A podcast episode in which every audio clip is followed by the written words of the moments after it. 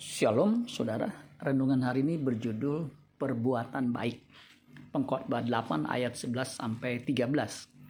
Oleh karena hukuman terhadap perbuatan jahat tidak segera dilaksanakan, maka hati manusia penuh niat untuk berbuat jahat. Walaupun orang yang berdosa dan yang berbuat jahat seratus kali hidup lama, namun aku tahu bahwa orang yang takut akan Allah akan beroleh kebahagiaan sebab mereka takut terhadap hadiratnya.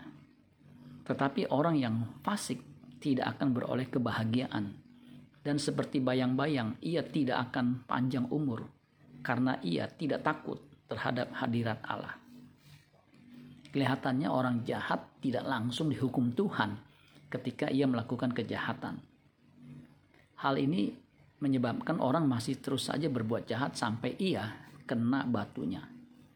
Berbeda dengan orang benar, ia akan terus berbuat baik meskipun karena hal itu ia mengalami aniaya.